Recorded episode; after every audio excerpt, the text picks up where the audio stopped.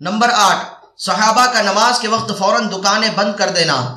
حضرت عبداللہ بن عمر رضی اللہ عنہما ایک مرتبہ بازار میں تشریف رکھتے تھے کہ جماعت کا وقت ہو گیا۔ دیکھا کہ فوراً سب کے سب اپنی اپنی دکانیں بند کر کے مسجد میں داخل ہو گئے۔ ابن عمر فرماتے ہیں کہ انہی لوگوں کے شان میں یہ آیت نازل ہوئی۔ رجال اللہ تلہیہم تجارتون ولا بیع عن ذکر اللہ۔ ترجمہ پوری آیت شریفہ کا یہ ہے کہ ان مسجدوں میں ایسے لوگ صبح اور شام اللہ کی پاکی بیان کرتے ہیں، جن کو اللہ کی یاد سے اور بالخصوص نماز پڑھنے اور زکوٰۃ دینے سے نہ خریدنا غفلت میں ڈالتا ہے، نہ بیچنا۔ وہ ایسے دن کے پکڑ سے ڈرتے ہیں جس میں بہت سے دل اور بہت سی آنکھیں الٹ جائیں گی۔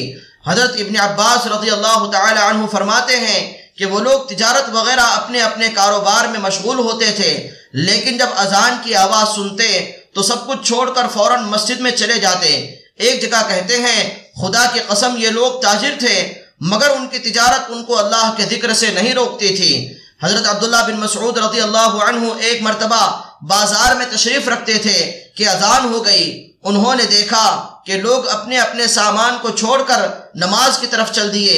ابن مسعود نے فرمایا، یہی لوگ ہیں جن کو اللہ جل شانہ نے لا تلہیہم تجارتوں ولا بیع عن ذکر اللہ سے یاد فرمایا۔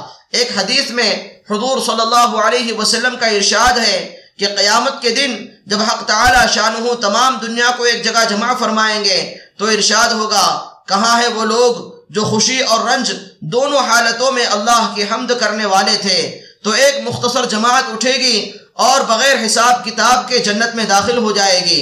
پھر ارشاد ہوگا، کہاں ہے وہ لوگ جو راتوں میں اپنے خوابگاہ سے دور رہتے اور اپنے رب کو خوف اور رغبت کے ساتھ یاد کرتے تھے، تو ایک دوسری مختصر جماعت اٹھے گی اور وہ بھی جنت میں بغیر حساب کے داخل ہو جائے گی۔ پھر ارشاد ہوگا، کہاں ہے وہ لوگ جن کو تجارت یا بیچنا اللہ کے ذکر سے نہیں روکتا تھا؟ تو ایک تیسری جماعت مختصر سی کھڑی ہوگی اور جنت میں بغیر حساب داخل ہوگی۔